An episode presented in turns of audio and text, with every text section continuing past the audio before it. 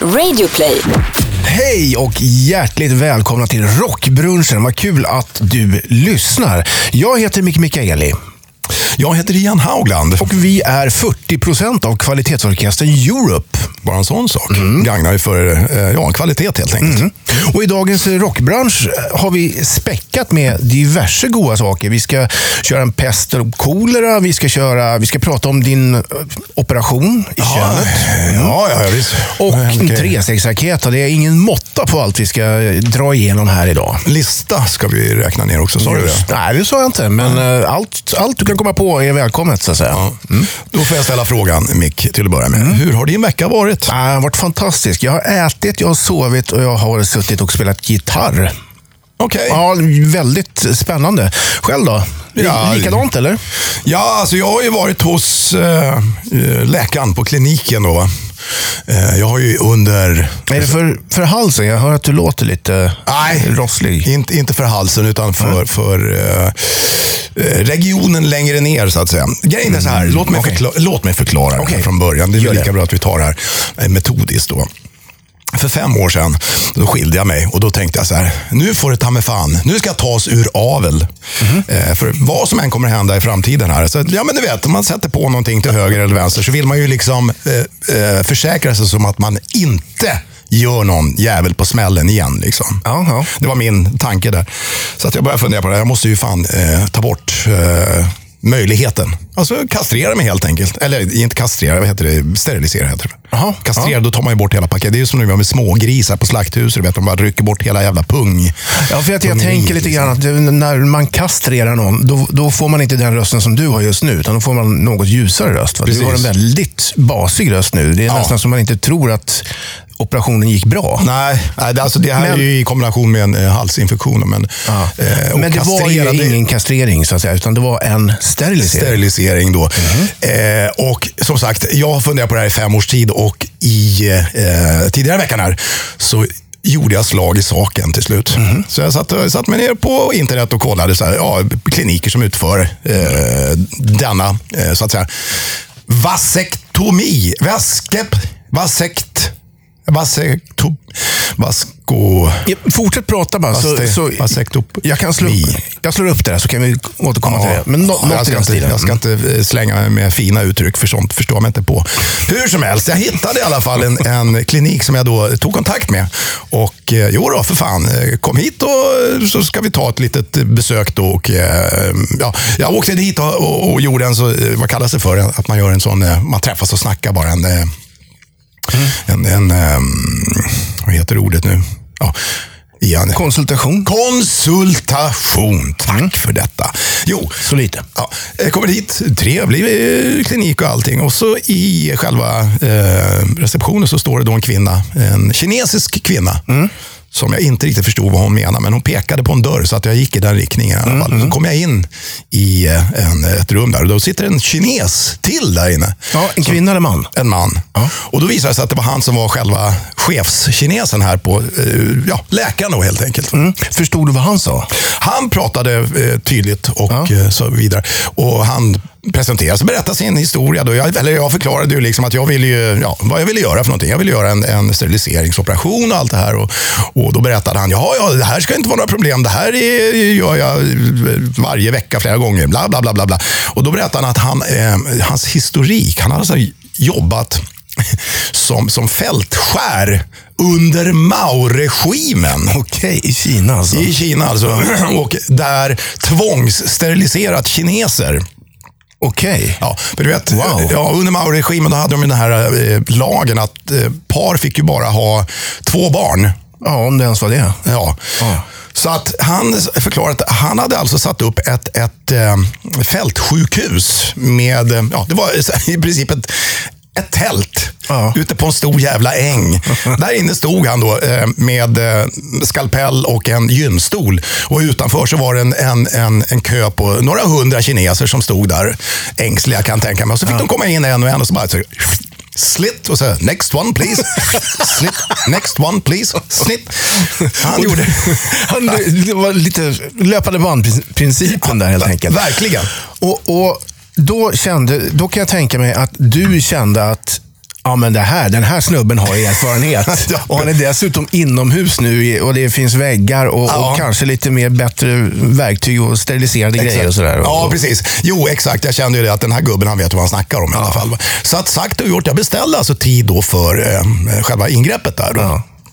Och eh, ja, så skulle det vara två veckor tidigare, eller då skulle det här ingreppet ske två veckor senare då. Och eh, det var väl en jobbig tid kan jag säga för min del. Jag är lite här, generellt sett är jag ganska ängslig för när det gäller eh, läkarbesök. Och du vet, jag tycker det luktar illa på sjukhus. Du vet. Det, ja. Jag känner att när jag kliver in på ett sjukhus så känner jag mig lite krasslig. Så här. Man blir sjuk av att vara på ett sjukhus. Okej, ja, ja. Så jag är lite så här ängslig av mig i alla fall. Då. Vad- Får jag fråga, vad, vad tycker du om eh, knivar och sprutor och skalpeller och, och sånt? Skalpeller vill jag inte gärna handskas med. Sprutor har jag ingen större eh, sådär, respekt för. Nej. Men jag sa det till läkaren också, att, att, eh, att jag är lite ängslig. Så jag undrar, har, kan man få någon typ eh, Ja, något bra knark så man lugnar ner sig liksom inför själva operationen. Ja. Och Då sa han, ja det här är inga problem. Jag, jag skriver ut eh, eh, Stetsolid eh, till dig. Ah, och det är alltså någonting som är... Ja, det är både muskelavslappnande och eh, lugnande då, okay. pillerform. Så att jag fick ju med mig receptet, gick till, eh, till eh, apoteket och hämtade ut det här. Då. Och, eh, ja, så att, eh, bara för att kunna lugna ner mig inför själva operationen. Då. Och eh, ja, som sagt, ber om ursäkt där. Oj. Ja. Halsinfektionen som sagt. Eh, på morgonen då, innan vi skulle eh, göra det här ingreppet, så hade jag ju ställt klockan på sju på morgonen. Då. Så jag kliver upp och drar i mig två stycken sådana här Stetsolider direkt. Det första jag gör innan frukost. Jag tänkte det är väl lika bra. Själva ingreppet skulle ske vid nio tiden på förmiddagen. Där, så jag tänkte då får man tid och, då får du tid att liksom bita tag så att säga. Okej, men hade du fått något nå, nå förhållningsorder om hur mycket du skulle ta och när du skulle ta det? Eller chansade du bara lite? Ja, jag chansade lite grann. Ah, okej. jag. Jag är, generellt sett så har- jag brukar aldrig äta mediciner eller någonting sånt där. Så att jag tänkte att ja, vad fan, två stycken blev väl bra. Mm. Men sen så här, jag läste på lite grann också på internet efter att jag hade- faktiskt hade ätit de här två. Att, att det, var inte, det var inte sunt att överdosera de här. Okej. Så det var lite spännande. Jag började känna mig lite wobblig så här efter en halvtimme. Liksom. Och, eh, det konstiga var liksom att man kände sig väldigt avslappnad. Så där, ungefär som att, lite grann som en skön bakfylla. Du vet. Så man Ja, bara går och, exakt. och lollar sådär. Och, och, men det som, jag, det som jag reagerade på mest var, jag var liksom inte flummig i skallen, utan vad jag blev var bara, det känns lite grann som jag satt i en gummiflotte på en fjärd. Där det inte var tillstymmelse till eh, vind eller krusningar på vattnet. Det var bara liksom stilla. Okej, det, var, det fanns inget att oroa sig för. Det fanns liksom. ingenting att oroa sig för. I vanliga fall så går man ju alltid och småtänker. Det ploppar upp små tankar hit och dit och vad det kan vara för någonting. Här var det bara, fjärden ligger blank som ett nybonat golv. Den känslan var det. Så, Okej. ja. Ja. så att jag åkte då till... Eh, Vad skönt, men det var det du ville uppnå också. Ja, det var ju det som var, exakt, det var ju det som var tanken med det här. Så jag åker till kliniken där eh, och eh, eh, klarar av mig då. Och han poängterade också att ah, vad bra, du har redan rakat pungen. Jag behöver inte göra det åt dig. Nej. ja, där brukar jag alltid sköta. Det sköter man ju givetvis. Mm. Oh, då för fan. Så. att jag la mig där i, i gynstolen då, vet och pressade väl upp. Och då kommer ju kinestanten in också där. Jaha. Och tittar lite sådär. Och, Ja, Men som sagt, den här stesolid-effekten då var ju liksom att, ja, ja, whatever. Liksom. Det var, var liksom whatever. Så han börjar ju ingreppet där med att köra in eh, så här sprutor, eh, eh, ja vad kallas det för? Bedövning. Ja, exakt. Ja. På, på ett par, tre ställen runt själva påsen, paketet. Då. Och det kändes nästan ingenting. Det sved till lite grann på något ställe, sådär. men inget, inget, absolut ingenting som var eh, obehagligt. Sådär. Faktiskt mindre än om man går till tandläkaren. Okej. Ja. Och sen vart jag liggande där ett par minuter och så sen så, så tyckte han väl, ja ska vi börja köra nu då? Fan, så låter nästan tysk Ja, men, ja, men var, han, var han skåning eller Han var ju- tysk eller kines? Han var ju kines, men det var, Okej. jag är svårt för att eh, bryta på kinesiska. Ah, ja, ja. Okej. Ja, vi ska köra nu denna. är, det, är du beredd? Liksom tyckte han. Ja. Och jag bara, liksom, ja, ja, fan, kör på det. Ja, du var ju hur cool som helst. Du var ju full, full av stesolid. Ja, visst. Och, eh, så han började ju ingreppet där. Och jag kände att det var någon som var ner där. Och, ja, det vet man, där känner den fysiska kontakten. Och jag såg ju kinesiskan stod där och tittade ner och flinade också. Så Jag förstod att det var ju någonting som pågick där nere. Men det kändes fan ingenting. Alltså. Jag kände inte ett skit utav i själva ingreppet. Alltså. Och då är de ju ändå in, de gör ju ett litet snitt på själva pungen då. Eh, på en centimeter ungefär. Sen så har de ju ett specialverktyg som ser ut ungefär som, ett, ja, men det som en virknål ungefär. Okej. Så kör de ner den där i hålet och så fiskar de ju upp själva sädesledaren från ena testikeln. Ja, och drar ut. den ur det här lilla hålet. Och så, sen så klipper de av den Ja. och bränner ihop eh, båda ändarna. Sådär, liksom.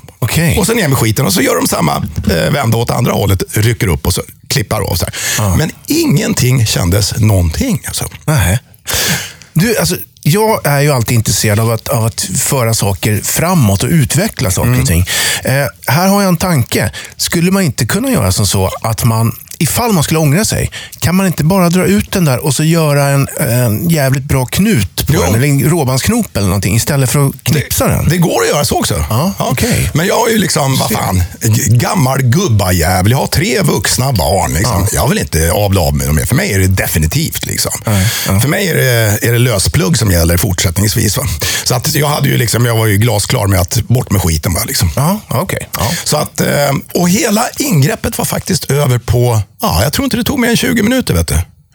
Ja, okej. Och sen gick du hem bara, eller? Ja, sen- Fick du ligga kvar där, eller? Jag fick ett par jättesexiga kalsonger av den här kinesiska tanten. Och hon kom in med sån här, eh, tänk, ja, du vet hur en sån här klassisk brynja ser ut, som gubbar brukar ha. med, med så här nätbrynja? Ja, just det. Ja. Jag fick en sån här elastisk brynjekalsong. Som hon, hon krängde på den på mig till och med. Så här. Och eh, bara för att hålla själva pungeriet i, i eh, tight, så att det inte skulle hänga och dingla och däng- dangla. För att hon sa Okej. det att det kan bli svullet och det kan göra ont och så vidare i efterhand. Då. Så att jag gick runt där med, min, med mina brynjekalsonger där då. Eh, och eh, ja, nej, jag vet inte. Det känns jättebra. Gjorde ju inget ont i själva ingreppet och har jag faktiskt inte haft eh, minsta smärta efteråt heller. Så att, eh, ja, känner du dig färdig avlad Mick? Jag rekommenderar knipsa bollarna för fan. Ja, ja, ja. Vi går raskt vidare till nästa programpunkt, för här blir ju inga barn gjorda igen. Pest eller kolera? Hur står det till? Nej, det är ena jävla jag har infektion. Du. Då är jag sjuk. Du, vi har en pest eller kolera här Låt som jag ska sprätta här. Ja, det är ju chefen som tillhandahåller de här pest eller kolorna. Så att det här, vi, vi har ju frikort på det här. Alltså det brukar kunna spåra ut. Ja, och sen så kan man väl också tillägga att ofta så säger ju de här pest eller kolera eh, alternativen mer om honom än om oss. Nåja. Ja. Eh, så här är dagens pest eller kolera. Du sitter i ett viktigt möte och du tvingas välja mellan följande. Du rusar upp och kaskadspyr i närmsta papperskorg, eller? Du skiter på dig fast ingen märker det. Okej. Ja, Knepigt du. Eh, Alltså det finns ju en liten fråga i frågan här som jag måste ändå bolla med dig innan vi tar ställning till det här. okej. Du skiter på dig fast ingen märker det. Alltså märker man det inte själv heller så. Alltså, det är jävligt illa. Så. Det har ju hänt att man har bajsat på sig några gånger. Det har faktiskt, jo, man har varit dålig i magen till exempel dagen efter. Du vet, och, det där. Men, och det har ju faktiskt hänt att man inte riktigt har reflekterat över att man faktiskt har bajsat på sig. Men efter tio minuter då blir man ju påmind av att det börjar bränna i eh, köttrosen. Liksom. Det är ju så. Eller hur? Åh, Jag vill inte ta det ordet i min mun. Jag tycker det låter så jävla vidrigt. Ja, det är det. Men okej, okej, åter till själva ämnet. Då. Ska, ska du okej. börja då? Ja, just det. Och alternativen var alltså, eh, du sitter i ett viktigt möte och du tvingas välja mellan följande. Eh, du rusar upp och kaskadspyr i närmsta papperskorg, eller? Du skiter på dig fast ingen märker det. Ja, alltså jag skulle välja att skita på mig faktiskt. Ja. Inte för att jag har, någon, jag har inte lika stor vana som du att bajsa på mig i vuxen ålder. Nej. Men eh, jag skulle ändå ta det alternativet. För alltså, Jag tycker det låter vidrigt. Alltså, jag tycker inte om att spy. Jag- Jag tycker förmodligen inte om att bajsa på mig heller.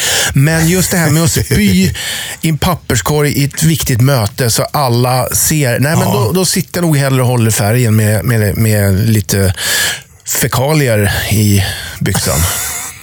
Själv då? Ja, jag skulle nog också göra det faktiskt. ehm, förutsatt att man har gummikalsonger då eller något liknande. För att jag menar, fast det, det- börjar ju lukta bajs efter ett tag. om Ja, men, nej, annat. men det, du måste, du, det är ändå Okej, hypo, det- hypotetiskt det här. Alltså. Okej, ja, men då definitivt. Då bajsar jag hellre på. Men då får, man ju, då får man ju sitta mjukt ett litet tag i alla fall. Det beror ju på om det är hårda sittdynor på stolarna i, i Ja. mötesrummet också. Nej, jag ser bara fördelar i det. Alltså. Faktiskt, måste jag säga. Aj, aj, aj. Aj, aj, aj,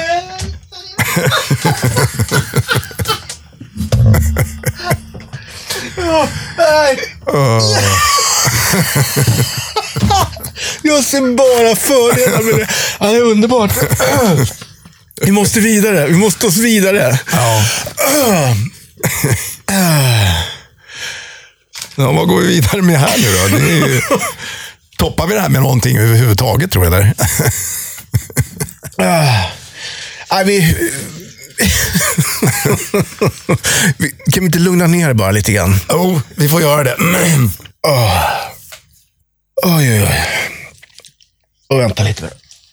Oh, Ian, eh, vi, kan lugna, vi får lov att lugna ner oss lite grann med, med lite musik. Eh, och, eh, vilket gör att vi kommer in på nästa programpunkt som ju är denna. Peak of the Week. Vi har valt att fira ett födelsedagsbarn, nämligen en forn medlem i, jag skulle vilja säga, i den klassiska uppsättningen av bandet Thin Lizzy. Ja, det stämmer det. det är, ju- Vi snackar alltså om eh, Brian Robertson. Just det, 61 år fyllda. Fan, nu börjar jag få det här i halsen. Ja, det sprider sig vet du. gör Kanske det. ebola eller något skit som jag har fått. Eller. Får se om vi överlever den här podden. Eller? Kanske blir... Ja. We're hanging ja, eller något. Men eh, som sagt, ja, den, alltså, jag håller med. Han var ju med i och, och, eh, myntade det här eh, klassiska twin guitar soundet där. Han var ju med i från 1974 där. Nightlife-plattan var den första där han var med och spelade. Sen gjorde han ju då Fighting och han gjorde det Jailbreak, Fox, eh, Johnny the Fox och Bad Reputation. Var väl även med på Live and Dangerous, den klassiska liveplattan. Precis, och det var ju då alltså, om man pratar om just det här, de här stämgitarrerna, så var det ju då förutom eh, Robertson då, så var det ju Scott Gorham som skötte den andra stämman där. Precis. Och vad jag förstår, så det här twin guitar-soundet, att de spelade stämmer mo- gentemot varandra, det kom ju till av en, en ren händelse. De höll på och jobbade i studion. Och eh, eh, ja, den ena bara testade att s- spela en melodi till och inte riktigt hade någon koll på vilken tonart det var. Och då var, vart det liksom per automatik en, en, en stämma. Där Okej. då producenten tyckte att, hallå, hallå, det där lät ju inte helt fel. Vad, vad, vad gjorde du för någonting? Ja, inte fan jag tyckte väl Brian Robertson. Ja. Och därigenom så föddes eh, någonting genialiskt. Alltså, från, ett, eh, från ett misstag helt enkelt. Mm. Du, jag har bara träffat Brian Robertson en gång. Eh, och Det var när han besökte oss. Eh, Vi hade någon sån här eh, releaseparty på en av våra eh, senare plattor. Och han var där. Och Jag upplevde honom som väldigt liten och tanig, men ändå rätt så glad i sprit. Ja. Kanske en dålig kombination, jag vet inte. Men du har ju, du har ju till och med du, du har ju träffat honom ett otal gånger och Ja. eh, dessutom spelat med honom. Ja, ja, precis. Jo, han är, eh, man kan väl säga så här att eh, Brian Robertson som är eh, skojs, skotte, Ja. han föddes väl i ett eh, helrör eh, whisky. tror. Nej, men alltså han har väl i princip varit... Eh, Det finns provrörsbarn och det finns helrörsbarn. Ja, och han var ett helrörsbarn helt Precis. enkelt. Ja. Han har nog i princip varit eh, mer eller mindre packad sedan han var 16 år gammal. Då. Ja. Men han har ju varit som sagt skotte, eh, hög eh, toleranströskel antagligen, så han har ju liksom alltid fungerat. Sådär, va? Och eh, jag som sagt, jag spelade ju med honom eh, under en period. Jag var med och spelade in hans soloskiva här och det var inte så länge sedan. Det kan vara en fem, sex år sedan. Ja. Du vet, tiden går fort när man är gammal. Ja. Eh, och jag måste säga att det var jävligt kul att jobba med honom. Väldigt lätt och väldigt proffsig i studion att jobba med. Trots Mm. att han kanske hade tagit några järn sådär. Liksom. Men eh, van vid, eh, vid effekten då. Så att det var liksom aldrig några problem att, att lira med honom. Däremot problemet var väl efter att skivan var släppt så skulle vi göra ett så här release, eh, en release-spelning då med Brian Robertson Band. Mm. Och det skulle ske i, eh, i Dublin i, på Irland. Då, Okej. I samband med den här eh, Phil Lynott, årliga Phil Lynott-hyllningen som de har där. Ja, vad coolt. Som kallas då för The Vibe eller något sånt där. Mm. Och eh, det är ju som sagt det är ju en hyllning till Phil Lynott då, eh, framförallt. Så att publiken som var där, det var säkert ett par tusen pers i lokalen. Då. De förväntar sig givetvis att Brian Robertson ska komma dit och så ska han så spela Thin Lizzy-låtar för att hylla guden Phil Lynott. Ja. Eftersom det är därför de är där. Exakt. Men eh, då tyckte ju Phil Lynott det, eller då tyckte ju Brian, Roberts, eh, Brian Robertson att eh, det vore ju ett förnämligt tillfälle att få spela eh, alla nya låtar från min kommande skiva som ingen någonsin har hört talas om. Då. Okej, ja. Så att, eh, vi började med att spela, eh, jag tror vi hann igenom fyra låtar, sen så började jag hagla ölflaskor och grejer genom, upp på scenen. Där. Jag, det var första gången i hela min musikaliska historia som jag var tvungen att ducka för att det kom flygande ölflaskor och grejer. Det slutade med att vi fick abrupt avsluta konserten för Brian Robertson, han var ju förbannad han på publiken. Och så, you motherfuckers, you fucking, you fuck, fuck. Ja, det vet hur de är, engelsmän. Ja. Så han var ju på väg Skottar, skottar då. Ja, ännu värre. Ja. Han var ju på väg att hoppa ut i publiken och skrika och gorma. Då.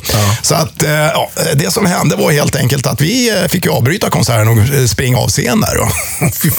Ja, det är in- intressant. Men, men hur skulle du beskriva honom som person, Brian? Han är en av världens... Alltså, jag skulle beskriva honom som en av världens snällaste människor. Alltså. Och en väldigt liten och ganska, eh, vad ska vi säga, ganska sårbar figur. Men när han då liksom eh, hamnar i vissa situationer, då blir han en, en, ett får i ulvakläder, så att säga. Han kan verkligen bli riktigt, eh, riktigt sur och eh, förbannad. Så Ja. Du, alltså, vi hade en turnéledare på 80-talet som hette Bosse Norling. Eh, eh, frid var det med hans själ. Ja. Eh, och han han är en legendarisk turnéledare som även har jobbat med ABBA, Pugh Rogefeldt och en massa Ja, andra. ja. Och dessutom med Thin Lizzy. Eh, han gjorde en, turné, en Skandinavien-turné tillsammans med dem som turnéledare. Och han berättade då att just Brian Robertson, han kunde vara så jävla grinig och taskig mot Bosse.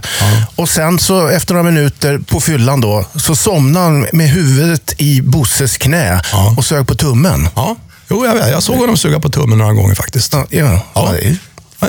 Ja, tumsugare. så kan det vara. Du, ska vi eh, eh, ta och lyssna på den här låten? Det är väl en bra idé? Eh, vilken låt är det? Har du valt någon? Ah, just det, vi ska ju välja en låt också. Du, Vi gör så här, vi spel, vad vi än spelar med Thin Lizzy så är det en bra låt. så att, eh, här kommer de, Thin Lizzy helt enkelt, med Brian Robertson. Hipp hipp hurra för, eh, på, i 61 års dag, tralala, eller något. Varsågod.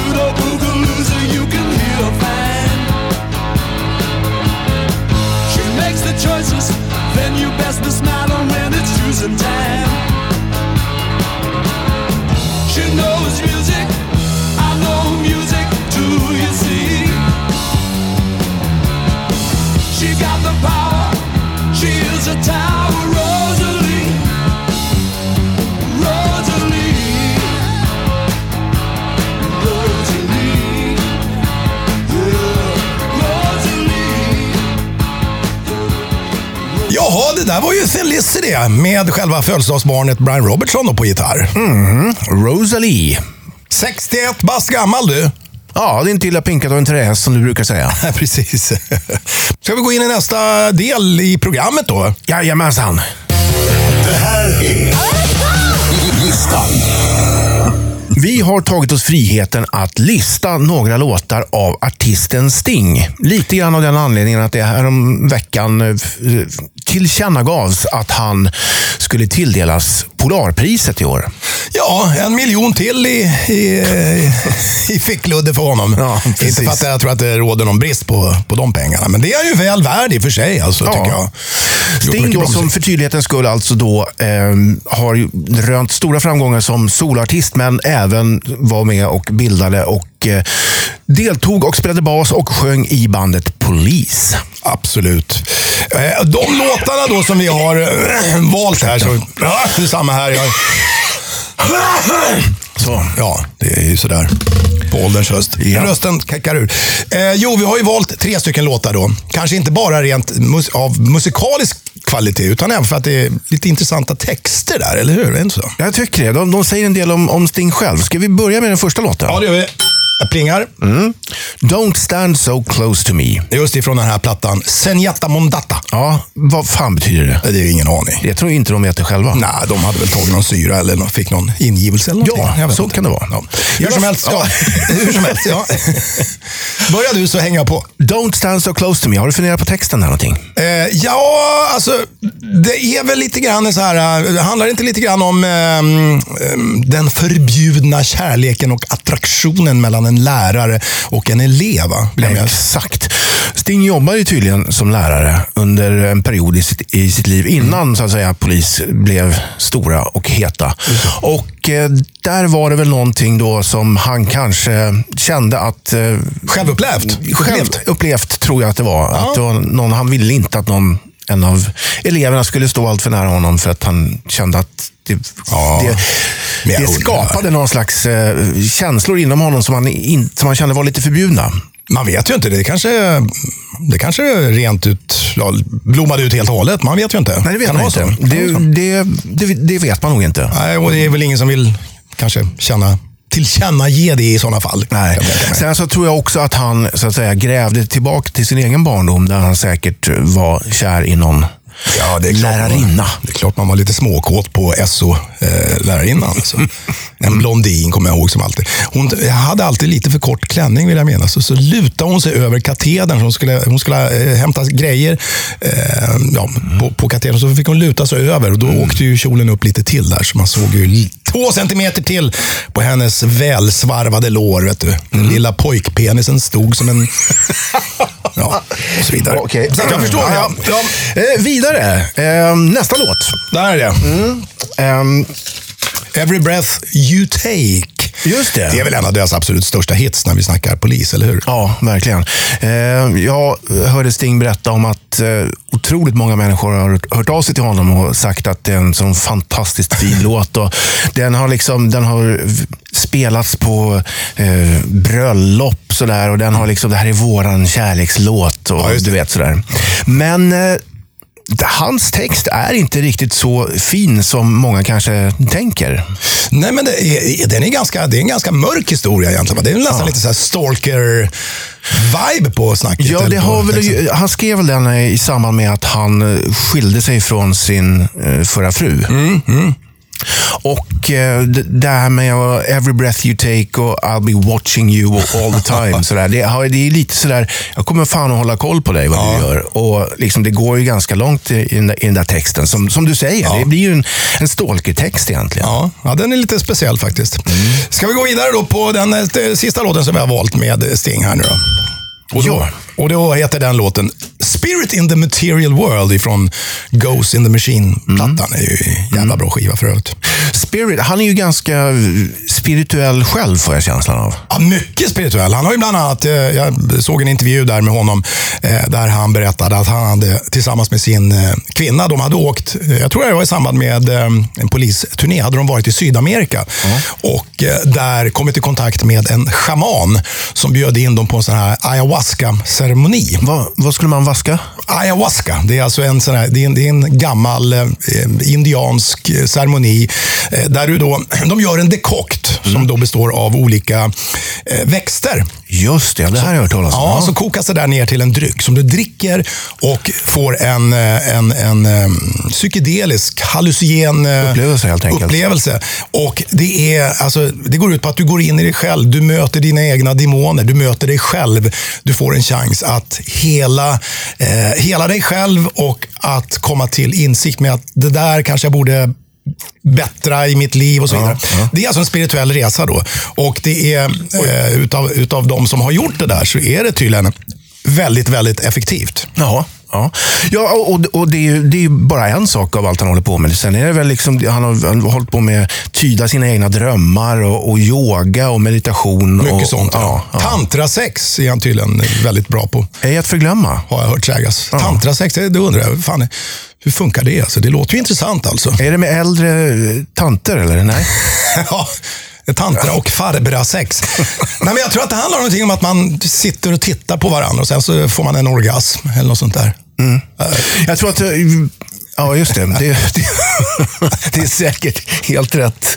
Eh, Skönt ändå bara sitta och titta så, så bara, "Åh, åh, nu är jag klar. Fast om jag ska vara helt ärlig så tror jag att det handlar om att just inte få orgasm. Att man verkligen håller på den Ah, det kanske är så väldigt det lång tid. Just det. Och sen så det. när man väl, som man i alla fall, släpper till så Ja. ska det vara liksom upphöjt till tio. Sådär. Ja, ungefär som man sitter hemma och tokrunkar. Så väntar man sista två rycken. Man vet att rycker jag två gånger till, då skjuter jag. Liksom. Men då släpper man istället. Just det. Så det, ja. det, är, det är inte tantrasex, utan det är farbrasex. Ja, exakt. Bra. Vi stryker ett streck över detta och gratulerar Sting till eh, det kommande Polarpriset som han ska få. You lucky bastard! Trestegsraketen. Jajamensan, det har äntligen blivit dags för trestegsraketen. Ian, det går ut på att jag... Du får... Vad får jag? Jo, så här är Berätta det. för mig. Jag är, nu vart jag lite sugen här. Att få något. var länge sedan. Ja, det var länge sedan jag fick något här. Så. Ge mig. Du, eh, trestegsraketen går ut på att du får ett, eh, så att säga, en, en överskrift. Vad ska vi kalla det för? Ett område, en eh, ledtråd. Ja. Eller nej, fan, du får inte en ledtråd. Du får tre ledtrådar. Du får alltså du får en trepoängs ledtråd, sen får du en tvåpoängs ledtråd och en enpoängs ledtråd och det blir lättare och lättare hela tiden så att säga. Ja, precis. Ja, så fixar man på tre, det- trestegs, eller fixar den på tre poängsnivån, då är man klipsk. Och fixar man det inte på en eh, poängsnivå, då är man dum i huvudet. Ja, ungefär så. Men eh, det är också så att eh, det här är väldigt populärt hos eh, dig som lyssnar, har vi förstått. Så att eh, det går ju att liksom spöa i han här. I, liksom, när man sitter där i bilen eller vad fan man nu sitter. Och eh, vi, vi, Jag ställer frågan, vad är det för ämne idag? idag är ämnet ett land. Ett land, okej. Mm. Finns det några att välja på? Jajamensan. Ja. Och det här är lite grann för att... Eh, varsågod. Ja, tack. Det är ju lite grann för att jag har ju förstått att geografi är inte din, ditt, så att säga, det är inte, du är inte sån här... eh, Nej, inte så jävla berest.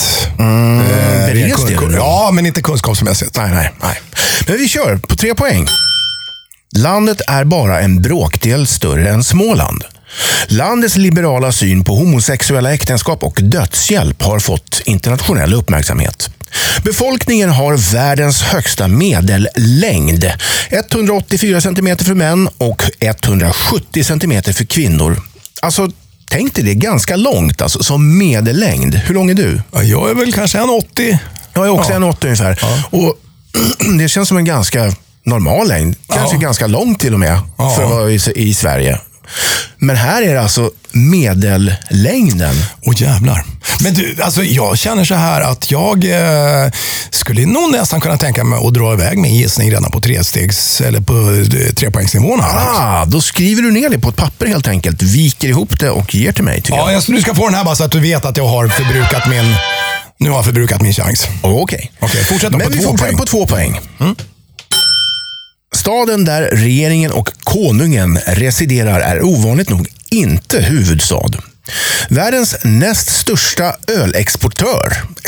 Äh, okej. Gött. Jag, jag provar igen.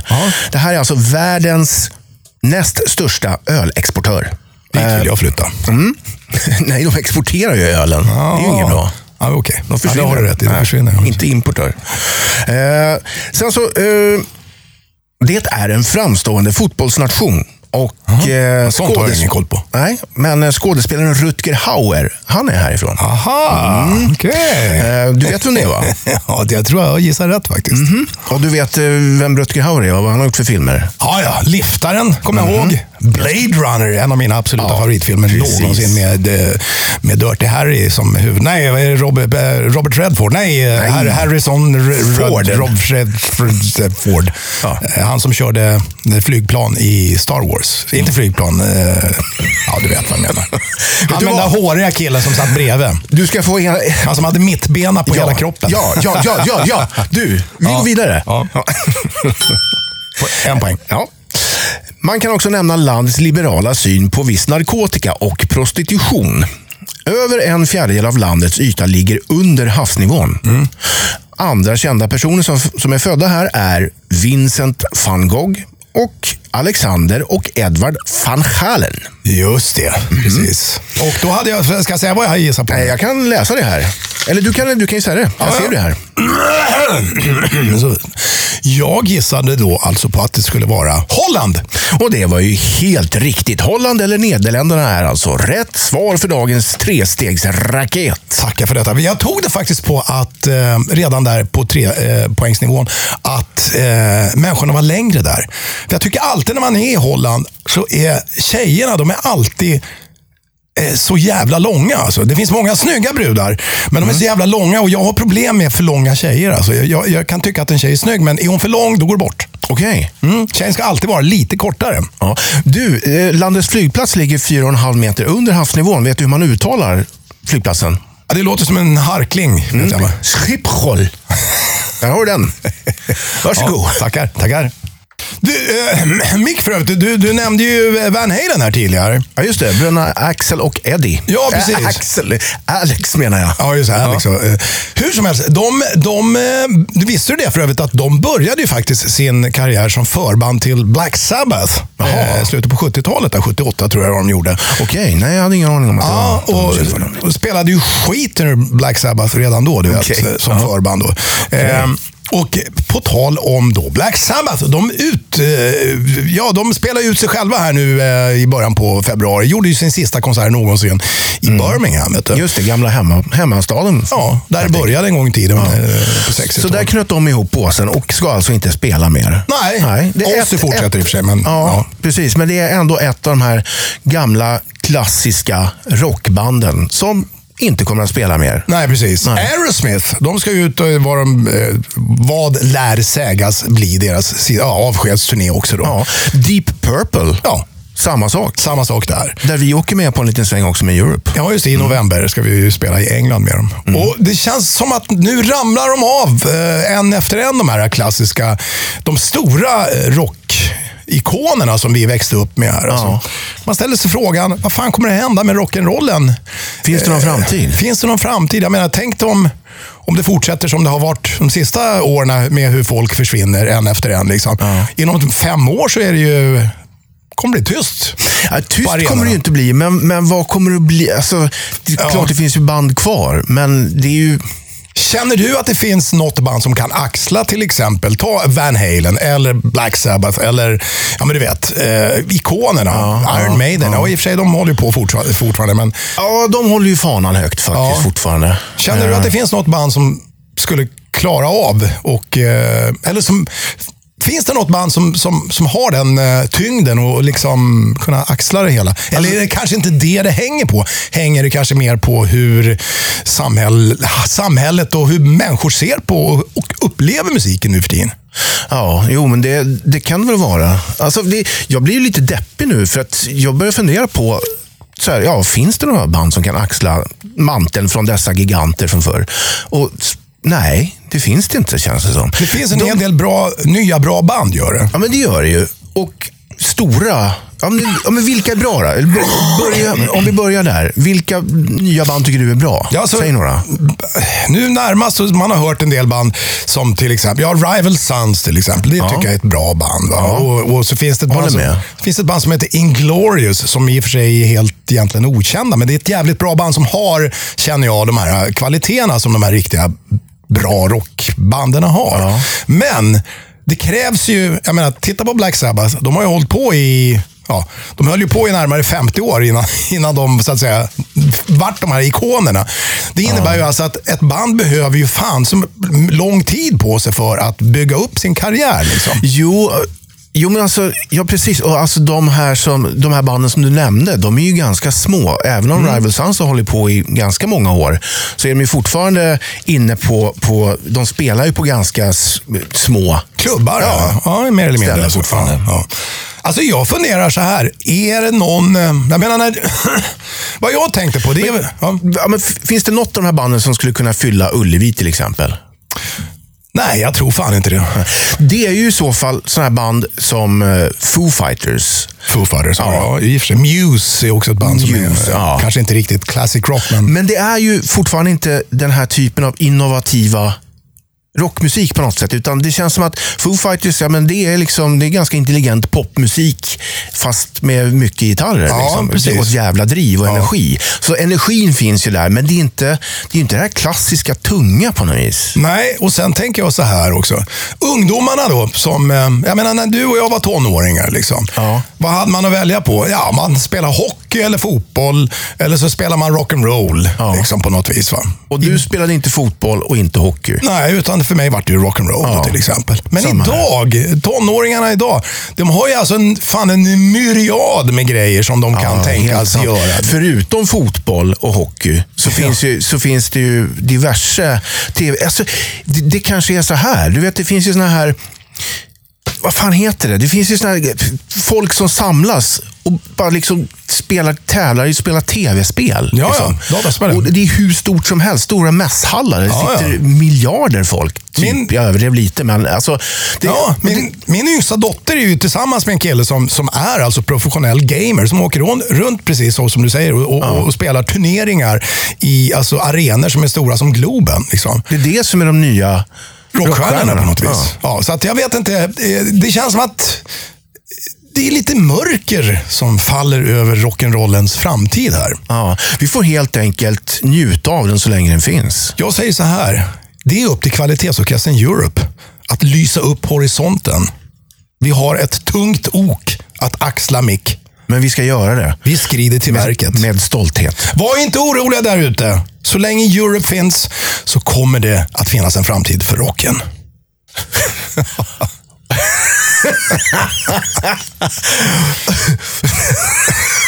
ja, Och med de orden tackar vi för oss och för den här veckan. kram på det! Hej! Ett poddtips från Podplay.